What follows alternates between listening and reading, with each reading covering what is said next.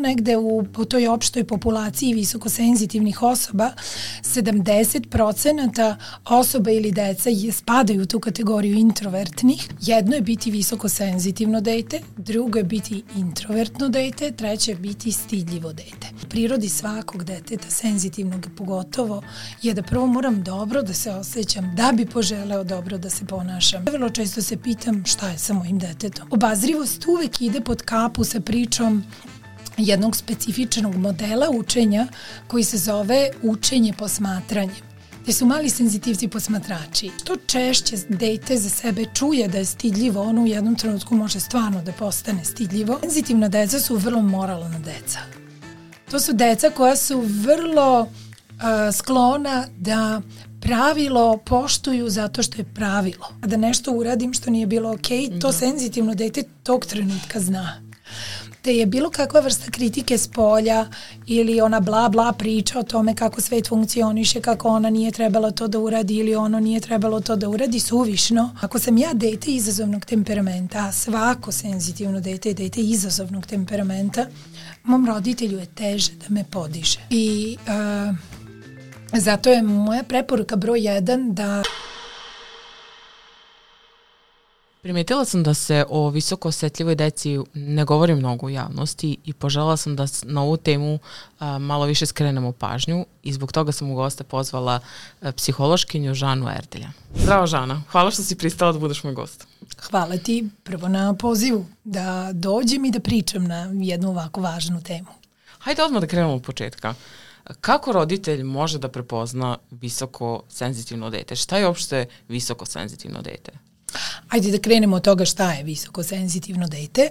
E, visokosenzitivno dete je dete koje je rođeno e, sa osetljivim i reaktivnim nervnim sistemom koji ga od prvog dana njegovog rođenja čini pomalo drugačijim detetom od dece možda u nekom okruženju na koje su roditelji navikli.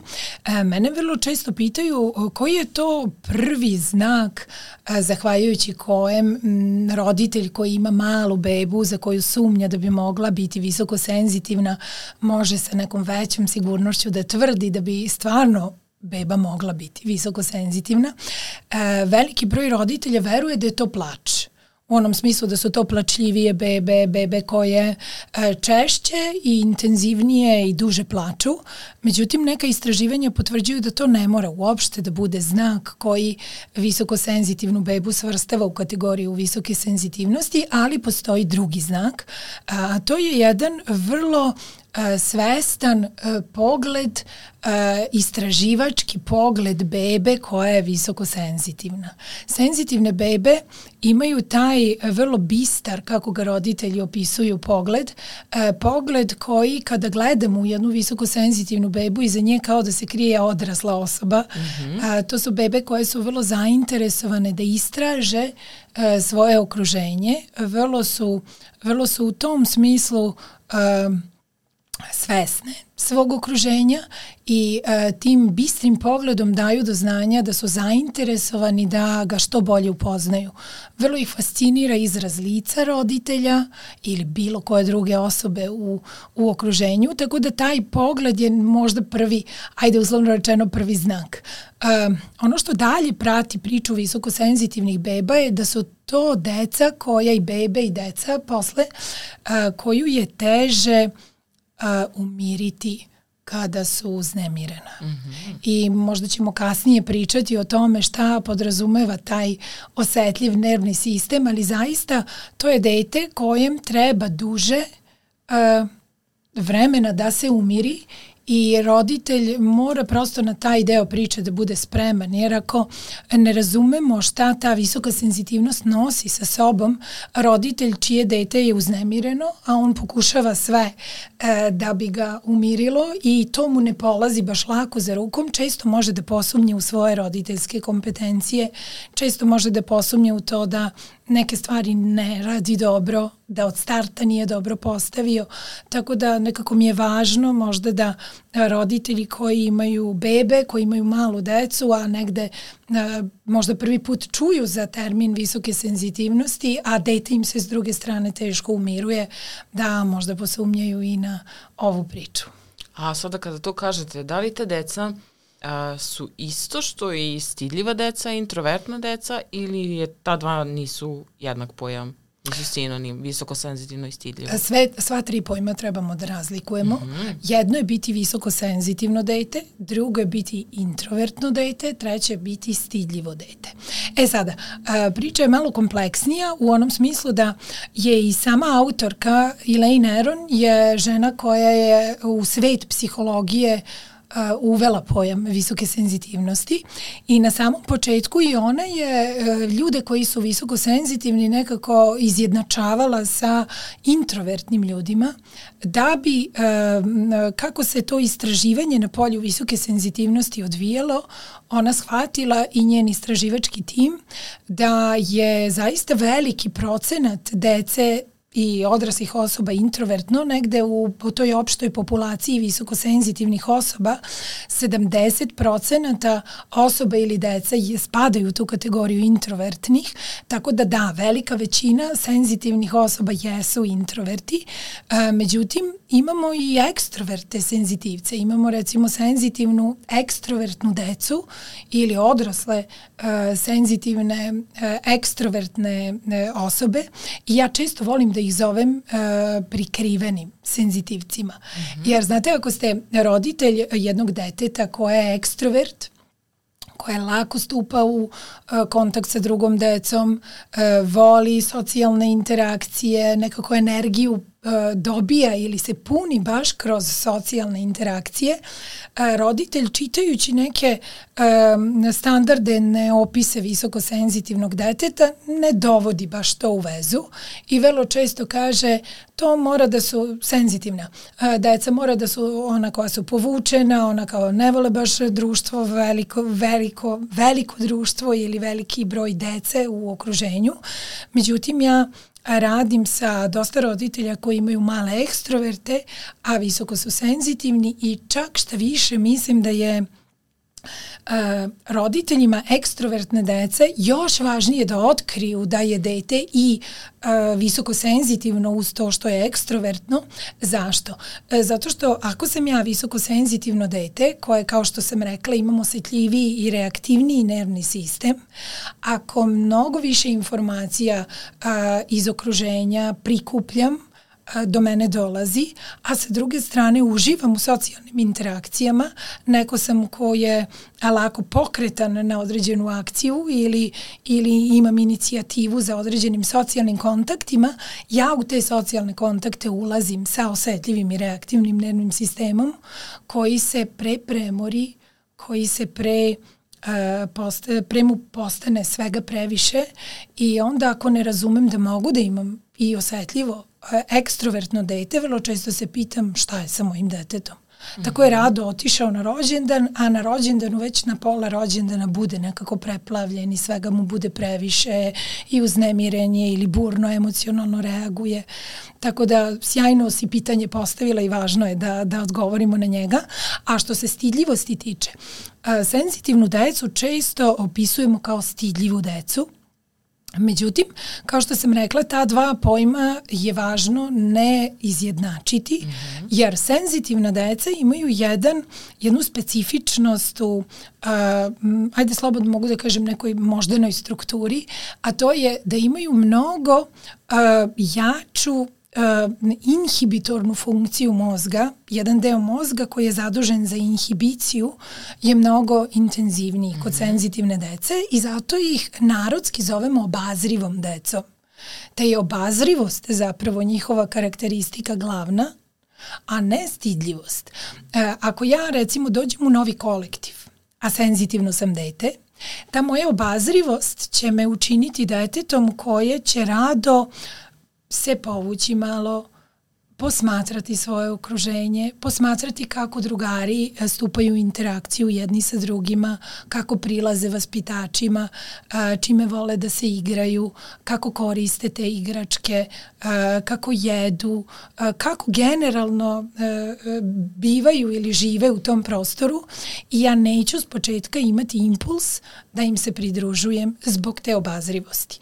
Obazrivost uvek ide pod kapu sa pričom jednog specifičnog modela učenja koji se zove učenje posmatranjem, gde su mali senzitivci posmatrači I ako sam pritom još i obazrivo dete koje ne srlja u neke potencijalne, potencijalno opasne situacije kojim je potrebno mnogo, du, mnogo više vremena da bi se priključilo određenoj situaciji, lako je sredini da to pomeša sa, i, sa stidljivošću. Tako da ja volim uvek nekako ovaj deo priče da ispričam, jer što češće dete za sebe čuje da je stidljivo, ono u jednom trenutku može stvarno da postane stidljivo, a da. stidljivost više ima veze sa određenom nelagodom koju ja ispoljavam u nekim socijalnim interakcijama koja se vrlo često uh, graniči sa alarmiranošću, sa anksioznošću, a kao što smo videli obazrivost to nije. Izvinjavam se na prekidu, obećam da će trajati samo jedan minut imam da vam preporučim knjigu Osetljivo dete od Elaine Aron, o kojoj ćemo i ja i Žana pričati unutar podcasta. Ovu knjigu možete da poručite na našem web shopu, a može mnogo da vam pomogne ukoliko imate osetljivo dete prilikom njegovog odgajanja. Nudi savete kako da se odgaje dete, nudi savete za roditelje da se snađu bolje u roditeljskoj ulozi, a na samom početku ima i upitnik koji može da vam pomogne da zapravo detektujete da li imate osetljivo dete. A sada prelazimo nazad na podcast. Da, spomenuli ste uh, osetljivi nervni sistem. Uh -huh. Taj nervni sistem je kod nas svih drugačiji. E, dokazano je da nervni sistem visokosenzitivne dece jeste specifičniji. Uh mhm. -huh. U kom smislu specifičniji? Jedna od najvažnijih razlika nervnog sistema senzitivne dece je e, to da e, je sposobno da mnogo više informacija iz svog okruženja a, prikupi. E, do mozga visokosenzitivne dece dolazi prosto više e, čulnih stimulusa iz okruženja i kapacitet e, nervnog sistema senzitivnog deteta je takav da taj višak informacija u odnosu na decu koja nisu visokosenzitivna može da obradi.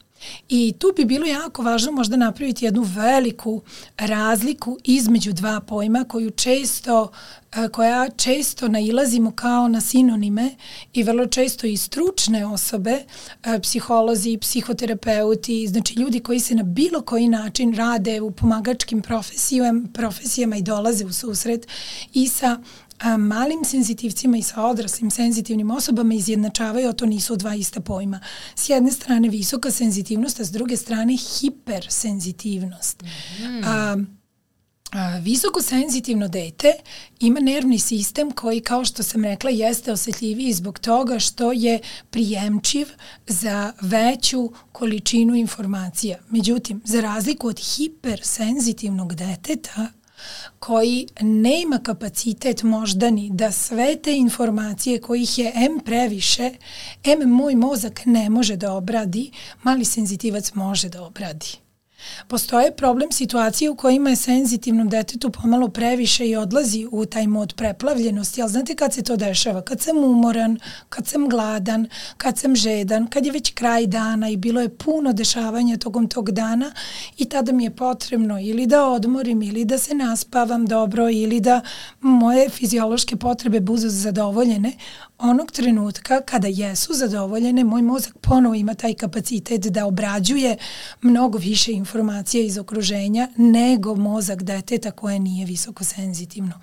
Inače, sva su deca u određenoj meri senzitivna, tako da mene često pitaju da li je taj termin visoka senzitivnost znak da su to senzitivna deca za razliku od dece koja to nisu. Ne, svako je dete u određenoj meri senzitivno, ali ne posjeduje svako dete neke karakteristike koje posjeduju mali senzitivci. Elaine Aron govori o četiri obavezne karakteristike -hmm. koje mora da posjeduje svako visoko senzitivno dete.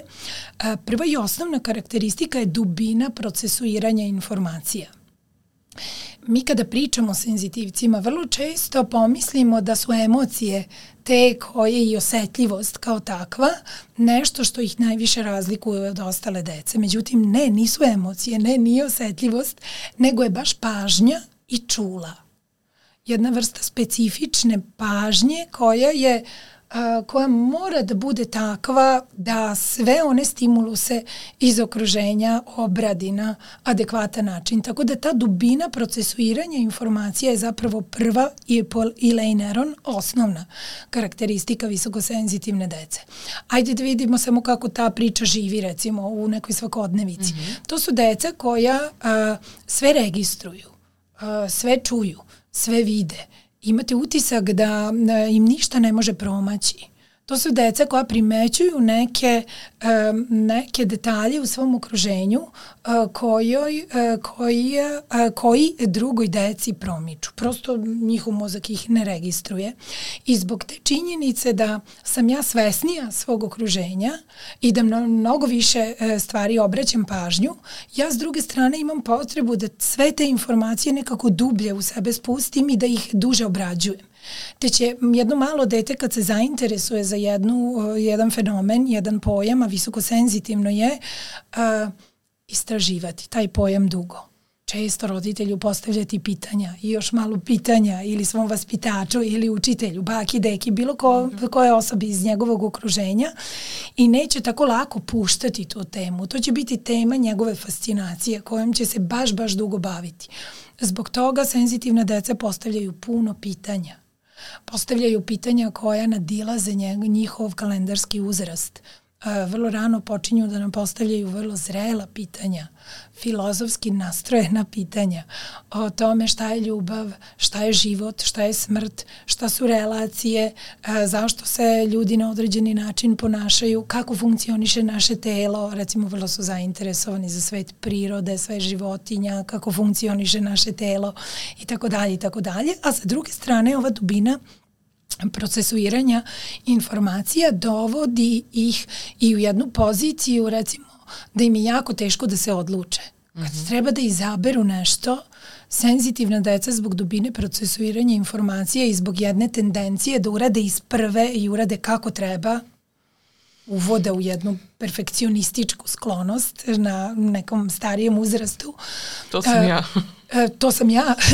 to, su, to su mnoge odrasle i e, senzitivne osobe i senzitivna deca. Ja sam skoro radila sa jednom divnom mamom koja mi se e, obratila, želela je da, da imamo konsultaciju i ona je rekla da muku muči sa činjenicom da njena devojčica oko najsitnijih stvari se do te mere uznemiri kada treba da izabere bez obzira da li je to igračkica koju će poneti u šetnju, e, u koju je krenula sa mamom ili je to e, čarapica koju će obuti ili čarapje koje će obuti tog mm -hmm. jutra za, za vrtić ili već nešto treće.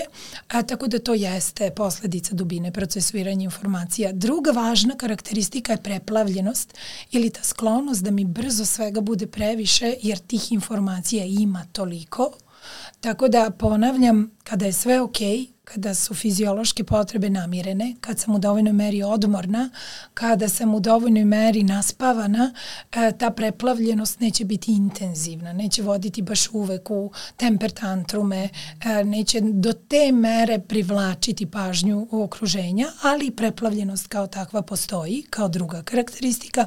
Treća je emocionalna reaktivnost i empatija. Senzitivna deca su empatičnija deca, deca koja vrlo često primećuju e, emocije i raspoloženja ljudi u svom okruženju vrlo često im ništa ne promiče u toj emocionalnoj sferi i sa druge strane ume da, umeju da budu emocionalno dirnuta nekim scenama, da ih one pre pogode, neki događaj neke rečenice koje smo im uputili. Posledica toga je da su to deca koja su vrlo osetljiva na kritiku, deca kojoj kazne nikako ne prijaju, a, koja su do te mere uznemirena kada ih roditelj ili neka odrasla osoba kazni, da je roditelju onda potrebno duplo duže vremena da umiri to dete i da ga nekako izvede, ponovo dovede do, do tog stanja smirenosti, te mi se roditelji vrlo često obraćaju jer imaju potrebu na drugačiji način da uče dete disciplini, da ne koriste nagrade i kazne. I četvrta karakteristika, ona sklonost detaljima o, kojima sam, o kojoj sam pričala kada sam spominjala i ovu prvu mm -hmm. dubinu procesuiranja informacija, zaista im ništa ne promiče. Sve registruju, registruju promene u svom okruženju vrlo lako, tako da jedno senzitivno dete koje recimo dugo nije bilo u nekom prostoru koje je prepuno nekih slika, može dolaskom u taj prostor da momentalno uoči da se raspored se nekih, da, da se da. prosto nešto promenilo, da se nešto promenilo u našem izgledu, da se nešto promenilo u boji glasa. Mali senzitivac bi prepoznao da je nešto sa mojim glasom trenutno ako me čuo pre dve nedelje mm -hmm. i mhm. pitao bi me sigurno, Žana, što se tako priča, što ti je glas takav. Tako da ovaj, primete kada smo drugačije ošišani, kada imamo drugačije minđuše, kada prosto na nama postoji neki detalj koji oni nisu u prethodnom ovaj, trenutku primetili i vrlo često su to deca koja zbog toga čitaju između redova vrlo, vrlo lako i nekako ne možemo ih prevariti. A zbog svih ovih karakteristika, takva deca pretpostavljam, a i, i pretpostavljam i kao iz cipela moje majke, da mogu da budu možda malo naporna. Da. I, ali e, iste, e, gledam i kao roditelj, e, možda naporna roditelju, a i možda naporna samo sebi, jer su svesna da, da postavljaju previše pitanja, da imaju neke da. drugačije zahteve, da imaju puno detalja koje su primetili i sad žele sa nekim možda to i da prodiskutuju. Kako roditelj to, taj izazov može da, da prevazići? E, na vrlo si važnu stvar ukazala. E, svako senzitivno dete E, je dete izazovnog temperamenta, jer senzitivnost je zapravo jedna temperament e, sklonost deteta, jedna mi je zovemo biološkom crtom sa kojom se svako dete rađa, možda je to važno spomenuti da mm -hmm. je dete od prvog dana svog rođenja visoko senzitivno, da ono ne može postati visoko senzitivno, kao što boju očiju imamo od prvog dana rođenja određenu, upravo tako i visoka senzitivnost se javlja od prvog dana rođenja deteta. I ona je vrlo često nešto što dovodim u vezu zapravo sa jednim setom temperament, karakteristika koje su u većoj meri ispoljene nego u, uh, kod neke druge dece. Šta znači temperament, uh, set karakteristika? Temperament je takođe nešto sa čime se rađamo. -hmm. Određeni set osobina koje svako nas nosi. Međutim, senzitivna deca temperament osobine imaju izraženije. Evo navešću par primjera. Uh, čulna osetljivost. To su deca čija su, su čula osjetljivija i prijemčivija za informacije s polja. Tako da, ako sam ja čulno osetljivo dete, ja sam dete koje će se žaliti na etikete, koje će biti izbirljivije kad je hrana u pitanju, a, koje će imati reaktivniji i osjetljiviji imuni sistem, koje će biti sklonije alergijama, koje će biti sklonije nekim problemima sa kožom, bronhitisima, a, koje će se zbog stresa prilikom adaptacije prerazboleti i možda zbog toga imati neku produženu adaptaciju i tako dalje i tako dalje. E, tako da, e, šta sam htjela ovom pričom da kažem? Ako sam ja dete izazovnog temperamenta, svako senzitivno dete je dete izazovnog temperamenta, mom roditelju je teže da me podiže. Istraživanja u oblasti temperamenta, pogotovo istraživanja dva autora Stele Čes i Aleksandara Tomasa, dokazala su da je nekim roditeljima od prvog dana njihovog roditeljstva teže. Iako ja ne znam da postoje deca čije je potrebe teže zadovoljiti, izaći im u susret, umiriti ih, e, biti tu za njih na pravi način, ja ću stvarno poverovati da ja nisam dovoljno dobar roditelj, da nisam dovoljno kompetentna, da mi ne ide lako od ruke nešto što roditeljima ide lako od ruke. Navišću najbanalniji primjer koji uopšte nije banalan, ali koji čini svakodnevicu senzitivnih roditelja, senzitivne dece. To su deca koja teško da do treće godine mogu da prespavaju noć. Iako ja imam dete koje se često noću budi, a budi se zbog sve, svih onih e, osobina koje smo naveli, ja ću pomisliti da nešto ozbiljno loše radim, jer kada čujem moju prijateljicu koja kaže da joj je beba već sa ne znam koliko meseci a, vrlo mala, dete recimo mlađe od godinu dana, prespavalo noć, a moje nikad to nije prespavalo, a onda uđemo u prvu godinu, u drugu godinu, u treću godinu i to se i dalje ne dešava, ja ću stvarno pomisliti da nešto radim pogrešno, te je velika sreća kada roditelj od e, prvih meseci što ranije zapravo shvati da ima visoko senzitivno dete i da zaista neke stvari mora drugačije da radi u svom roditeljstvu i da mora da ima dovoljno snage u sebi što često senzitivni roditelji, e, roditelji senzitivne dece nemaju, to je da se odupre nekim pritiscima sredine koje su, pritisci su nekad enormni, zaista veliki u onom smeru ti si je razmazila, previše si je vezala ili previše si ga vezala za sebe, on se tako intenzivno ponaša i tako intenzivno emocionalno reaguje zbog tebe i zbog toga što si mnoge stvari na svom putu roditeljstva pogrešno činila. Da, jednu stvar koju sam čula, manipuliše, dete manipuliše da. emocijama. Da. Kako dete može da manipuliše? Dete ne može da manipuliše, dete kognitivno ne može da manipuliše do određenog uzrasta, a sa druge strane ako ne razumemo ovu priču reaktivnosti i osetljivosti nervnog sistema, svih ovih četiri karakteristike, sve ove četiri karakteristike o koje sam pričala, a, mi onda ne možemo razumeti ni to zašto dete burnije reaguje na svet koji ga okružuje, pogotovo ako svakodnevica nije prilagođena senzitivnom detetu. Šta znači prilagodi, prilagoditi svakodnevicu o senzitivnom detetu? E, poštovati e, nervni sistem koji se prezamori zbog svih tih informacija koje u toj meri dobija, uh mhm. -huh. poštovati činjenicu da je senzitivnom detetu potrebnije da češće pravi pauze, da češće ima ta neka, mi to zovemo senzorna povlačenja u mir, u tišinu, u svoja četiri zida, gde ću se igrati ili ću se baviti nečim na malo drugačiji način, na možda malo sporiji način, um, gde ću imati potrebu za mirom, za tišinom, za udaljavanjem od tih spoljašnjih stimulusa. Tako da u tom smislu da, izazovnije roditeljima senzitivne dece i uh, Zato je moja preporuka broj jedan da se što više informišemo na temu visoke senzitivnosti i da zaista sve danas dostupne resurse, a ima ih e, sve više i više, koristimo. Da čitamo na temu visoke senzitivnosti, da pratimo grupe u kojima se okupljaju roditelji senzitivne dece, jer vidjet ćemo tu koliko se dele neki izazovi koji su nam vrlo, ovaj, vrlo zajednički i vrlo su nam poznati uh, da se mi prosto ne bi loše osjećali ulozi roditelja.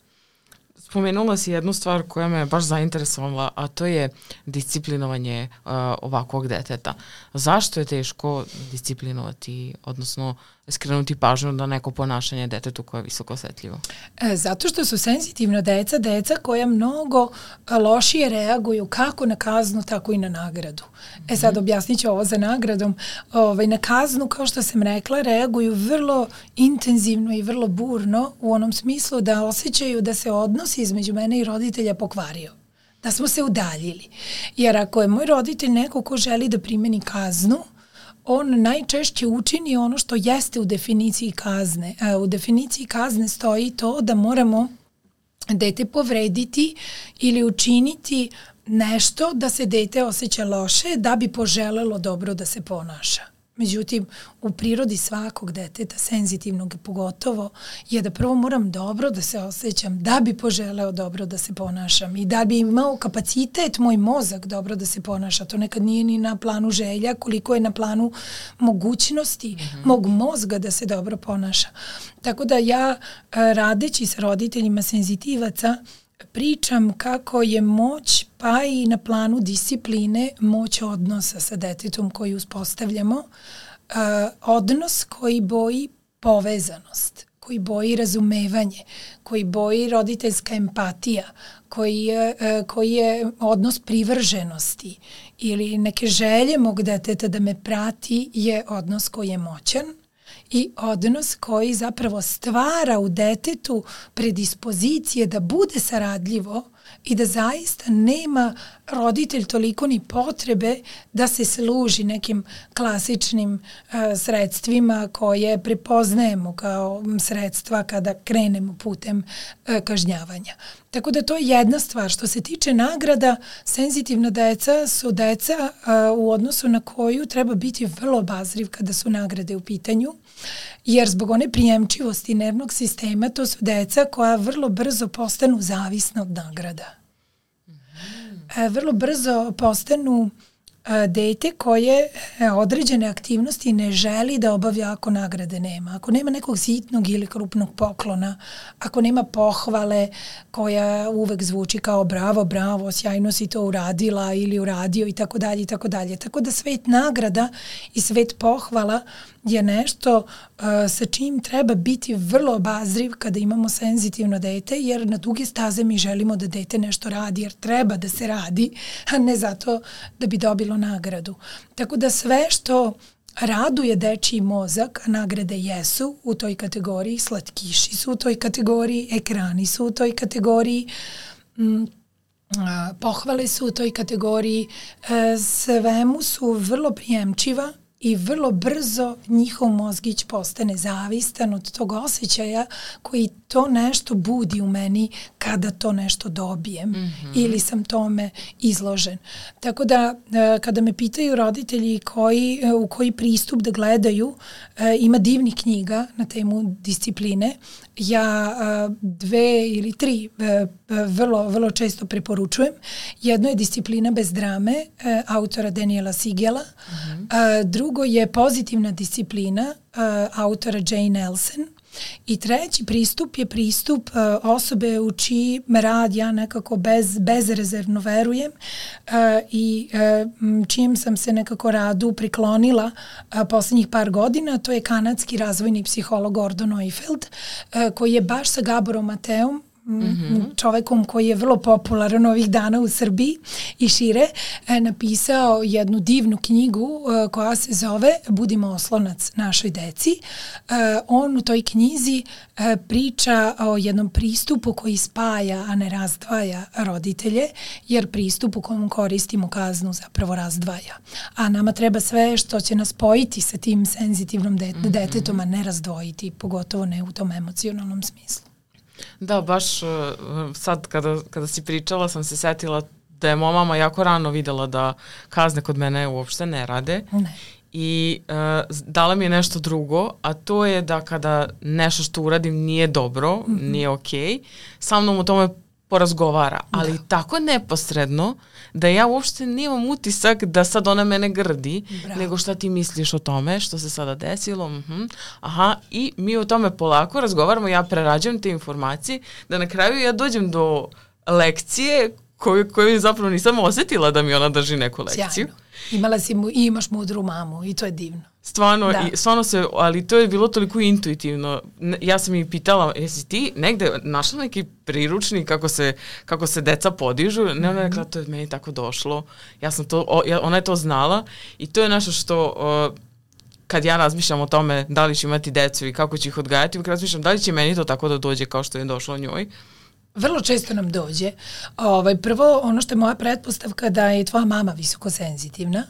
A, to ne mora da, da bude ono 100%, otprilike tako, ali postoji jedna, jedna priča kada imamo visoko senzitivno dete, najčešće jedan od roditelja visoko senzitivan i kad sam ja visoko senzitivan roditelj, ja shvatam da mogu drugačije i da treba drugačije mm -hmm. i da mhm. prosto intuiciju treba koristiti u većoj meri, da moj stomak mame moram koristiti češće e, i vrlo često visoko senzitivni roditelji uprkos pritisku sredine dođu do nekog svog puta koji nije ni malo lagan, koji nije, e, znate, ići jednim putem koji nije podržan od strane okruženja i koji nije većinski, je vrlo usamljenički poduhvat.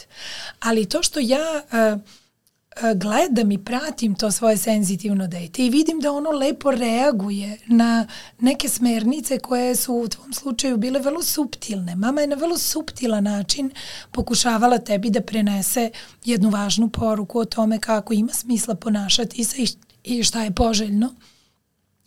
Zašto razgovor jeste e, jedan od pristupa koji senzitivci vrlo često vole i vrlo je efikasan. Senzitivna deca su vrlo moralna deca. To su deca koja su vrlo e, sklona da pravilo poštuju zato što je pravilo. Zato što je mama tako rekla, zato što je tata tako rekao, zato što je vaspitačica tako rekla ili učiteljica, mm. bilo koja osoba u čiji sud ja imam poverenje i u odnosu na koju sam ja povezana i sa kojom sam povezana i kojoj sam privržena. E, tako da zaista nekako neke standardne e, tehnike ili metode su suvišne za visokosenzitivno dete. Ono zbog te svoje moralnosti vrlo često ima i vrlo izraženog unutrašnjeg kritičara koji vrlo dobro zna da je pogrešilo. Kada nešto uradim što nije bilo ok, to da. senzitivno dete tog trenutka zna te je bilo kakva vrsta kritike s polja ili ona bla bla priča o tome kako svet funkcioniše, kako ona nije trebala to da uradi ili ono nije trebalo to da uradi suvišno. Uh, što će dete dalje dodatno uzemiriti, a onda će nam biti zaista potrebno mnogo više vremena da poradimo ponovo na ispravljanju tog odnosa, tako da divno je kada svedočimo ovakvim pričama poput tvoje, da je roditelj intuitivno došao do jednog načina koji se ispostavio kao dobar. Nikad neću zaboraviti priču jedne mame koja mi je rekla pre dosta godina kako je kaznila svog mm, senzitivca, uh, ugledajući se prosto na neke knjige, neke preporuke koje je dobijala u knjigama i od okruženja. Uh, taj Malecki uh, nije ni zaplakao, samo je pogledao direktno u oči, kaže ja nikad neću zaboraviti taj pogled i rekao mi je nešto neverovatno. Rekao je mama možeš ti to i bolje. Wow. to su mali senzitivci. Da, on je to promislio. Mislim, uh, čitala sam malo i ja i sečak iz, i sečke iz knjige i pročitala sam da se ta deca često tumače kao previše uh, mudra za svoje godine, uh -huh. da su oni ispred uh, svojih vršnjaka. Uh -huh. I da li nekada to roditelj može nesvesno da zlupotrebi? U smislu, uh, ajde nastavi da budeš dobar kao što si bio dobar, ajde ti sad strpi, roditelj zna da će to dete da posluša, da će strpljivo uh -huh. da čeka, iako je na iglama, ali ajde ti, ili sedi sad saslušaj me, onda se roditelj žali tom uh, detetu, sa njim razgovara kao da je odraslo, iako je dete zapravo malo. U, ovo je baš važno i veliko pitanje, jer ja se suočavam često sa takvim uh, pristupima roditelja. Baš kao što si rekla, nekako kada moje dete odreaguje zrelo, kada je vrlo saradljivo u onom smislu da je dovoljno jednom spomenuti šta je to što od njega očekujemo u određenoj situaciji, ja mogu da se povedem za tom zrelošću i da zaboravim kog je uzrasta moje dete.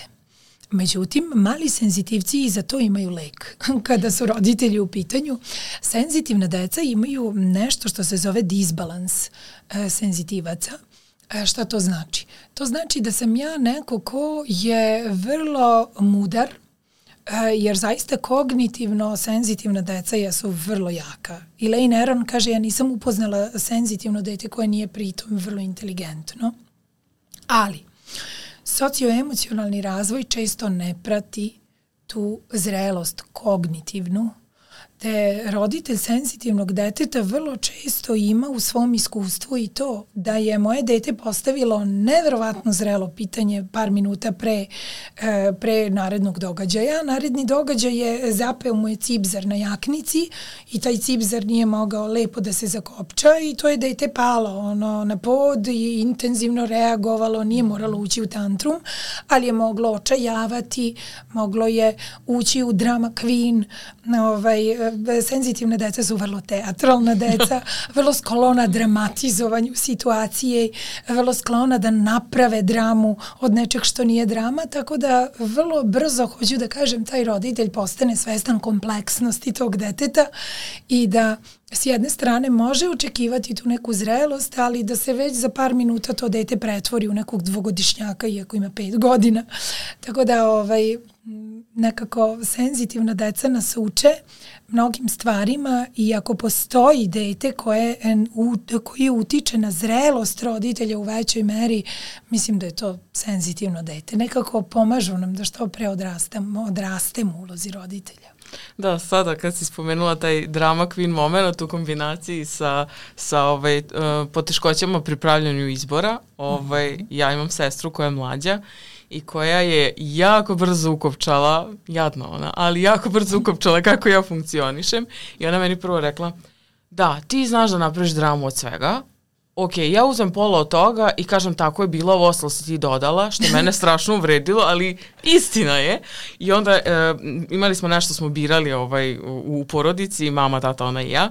I ona je rekla, nemojte ti meni dati da bira toliko. Njoj samo dajte dva izbora da između, mm. između ta dva odabere, -hmm. morate malo da joj suzite. I sam mislila, wow, jer njoj je teško da ona mora tako da funkcioniše, da, ona, da li ona na dnevnoj bazi a, razmišlja, da će ona meni da kaže, ej, ti mi, hoćemo mi danas jesti a, špagete ili ćemo mm -hmm. jesti supu? Da li ona napred mora da razmišlja koja će dva izbora da mi -hmm. A ovaj, e, roditeljstvo, kada imamo senzitivno dete, prepuno izazova. Jedan od izazova je e, prosto jedno moranje sen, roditelja senzitivnog deteta da puno planira. Ja volim da kažem da planira, planira još malo planira mm -hmm. dan sa senzitivnim detetom. E, senzitivna deca su deca koja nisu baš fleksibilna deca kada sam govorila o onim temperament izazovnostima, jedna od temperament izazovnosti je niska prilagodljivost ili niža fleksibilnost senzitivnog deteta.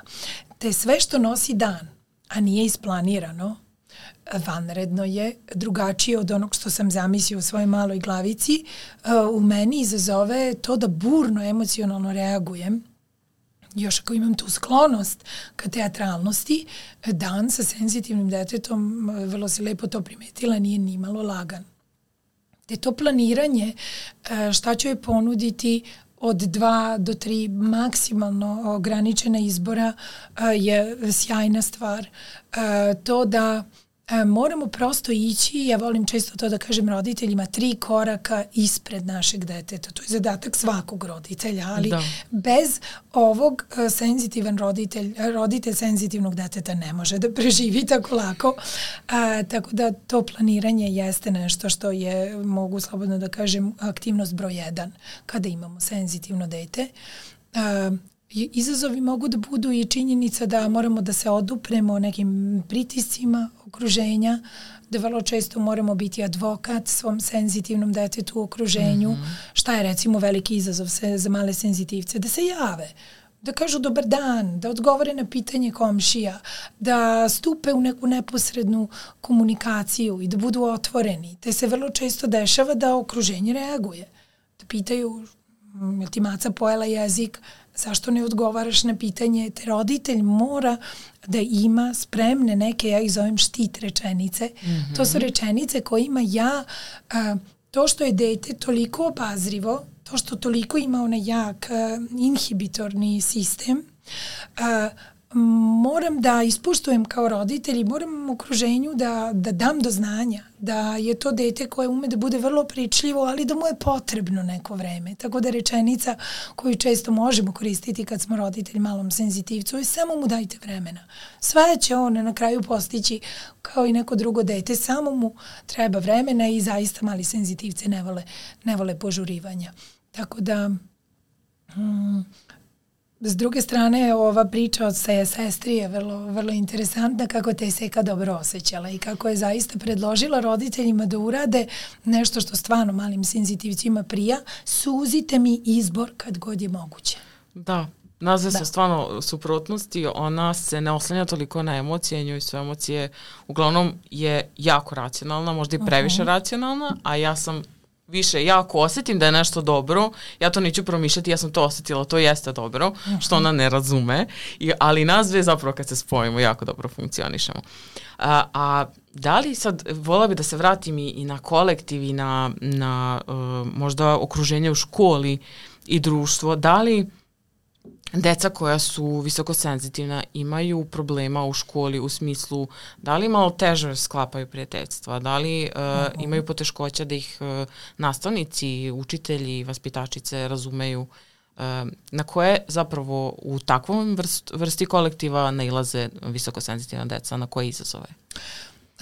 na izazove koji su u domenu prvenstveno socioemocionalnog razvoja, Tako da ovo što si spomenula, e, da, to bi moglo biti deca koja teže uspostavljaju prijateljstva, pogotovo ako su u onoj kategoriji introvertnih senzitivaca, mm. rekli smo da otprilike 70% visokosenzitivne dece jesu deca koja su introverti. E, ljudi koji rade u kolektivima, e, vaspitači, učitelji, stručni saradnici u vrtićima i u školama, moraju da poštuju postupnost senzitivnog deteta, moraju da razumeju obazrivost, moraju da razumeju ovu potrebu da učim modelom, moraju da razumeju potrebu da ako sam mali introvert, senzitivac, želim da se družim jedan na jedan sa nekim drugim detetom ili eventualno da imam malu grupu prijatelja e, sa kojima ću produbljivati prijateljstvo. Nekako to su deca koja ne idu u širinu, idu u dubinu. Vrlo mm -hmm. često. E, to su s druge strane deca koja ako okruženje u kom sam jeste bučno, jeste zagušljivo, jeste prepuno tranzicija, prepuno novih, aktivnosti koje se smenjuju, takva su okruženja u vrtiću i u školi, vrlo često mogu da uđu u ono stanje preplavljenosti, tako da možda je najvažnija smernica kada imamo, e, kada e, se obraćam vaspitačima i učiteljima visokosenzitivnog deteta je učiti, prepoznati pre nego što senzitivnom detetu postane previše.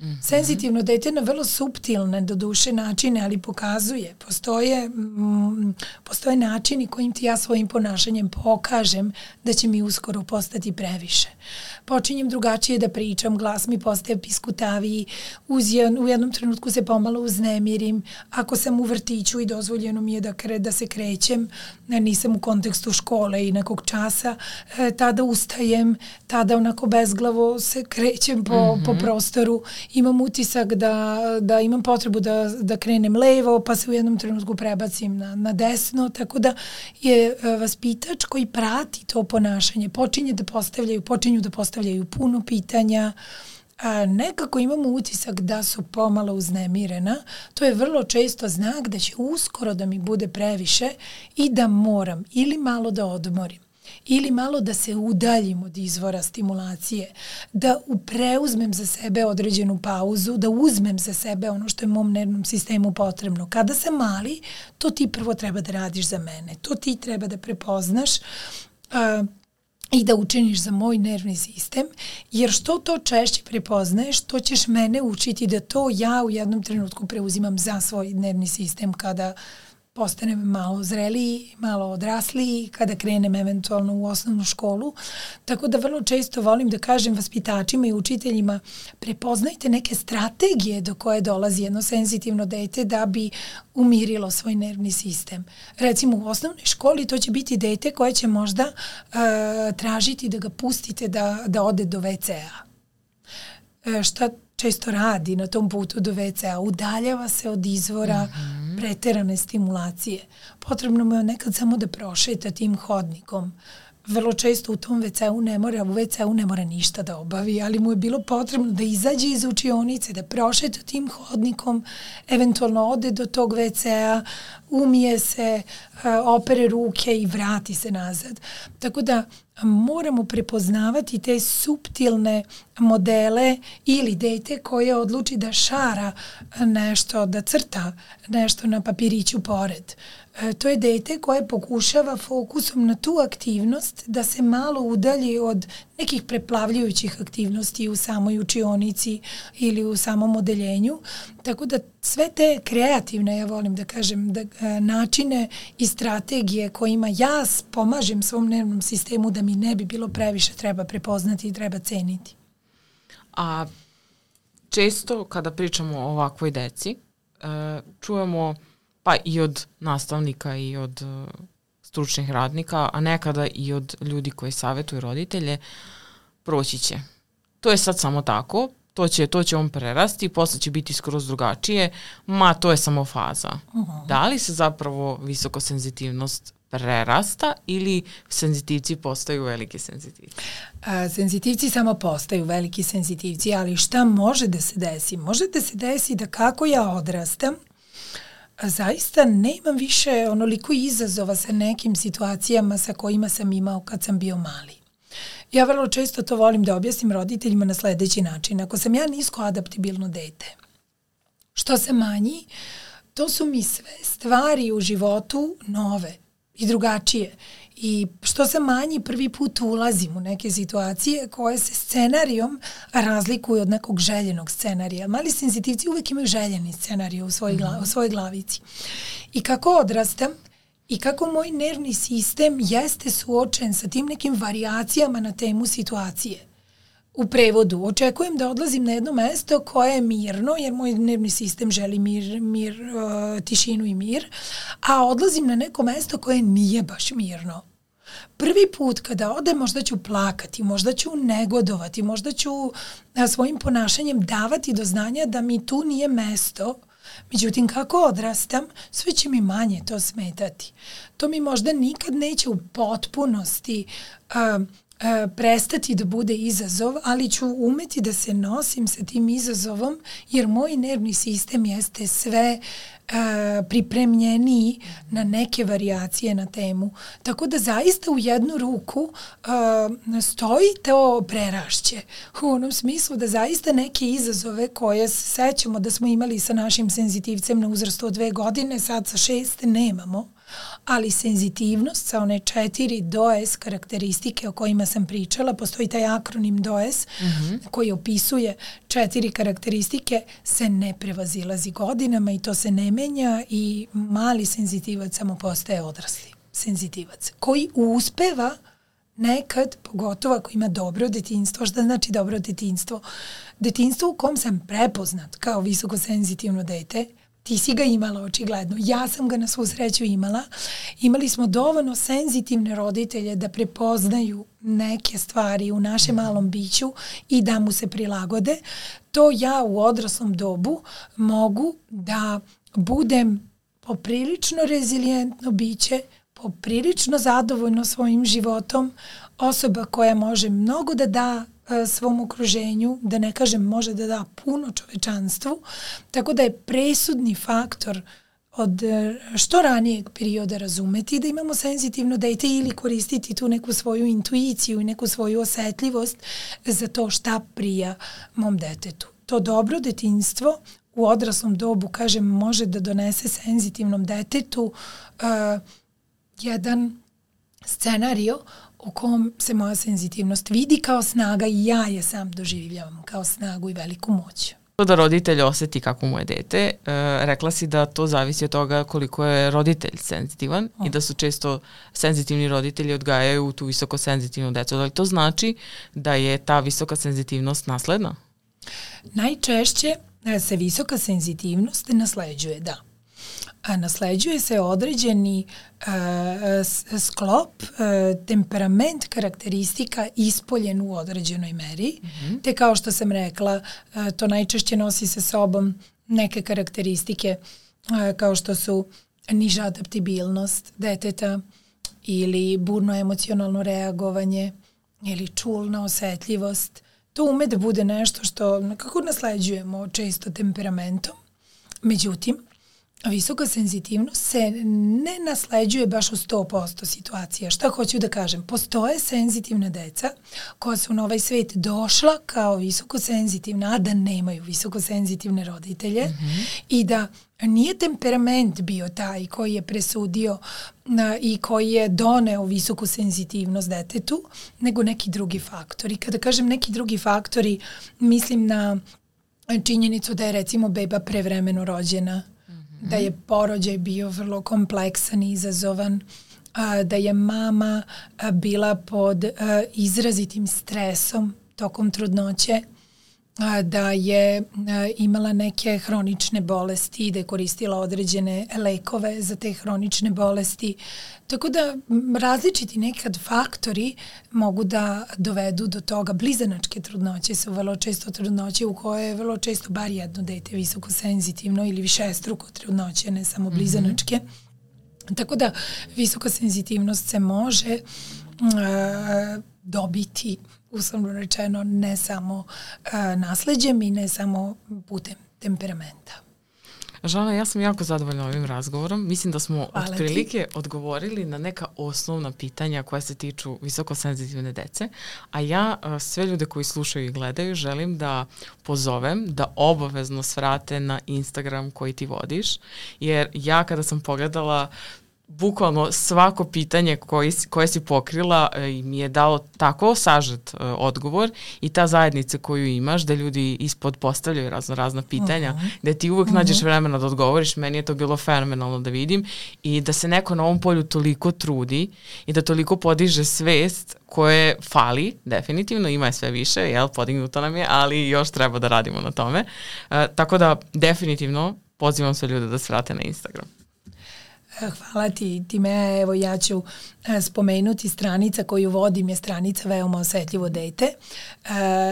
Puno ti hvala na ovim komplimentima za stranicu. Ja se zaista trudim da je negujem, da kao jedan pravi baštovan nekako ovaj, um, to okruženje koje je namenjeno prvenstveno roditeljima visoko senzitivne dece učinim da bude podstičuće, da bude ohrabrujuće i vrlo sam ponosna zaista na sada već je vrlo veliku zajednicu, preko 19.000 ljudi prati tu stranicu i vrlo su otvoreni da komentarišu, da pitaju, da jedni druge ohrabruju Tako da e, pozivam sve roditelje koji su možda e, baš zahvaljujući ovom našem razgovoru e, prepoznali u nekim opisima svoje dete da stranicu posete, a sve one koji me prate da nastave da prate jer ja obećavam da će biti još mnogo, mnogo interesantnog korisnog sadržaja.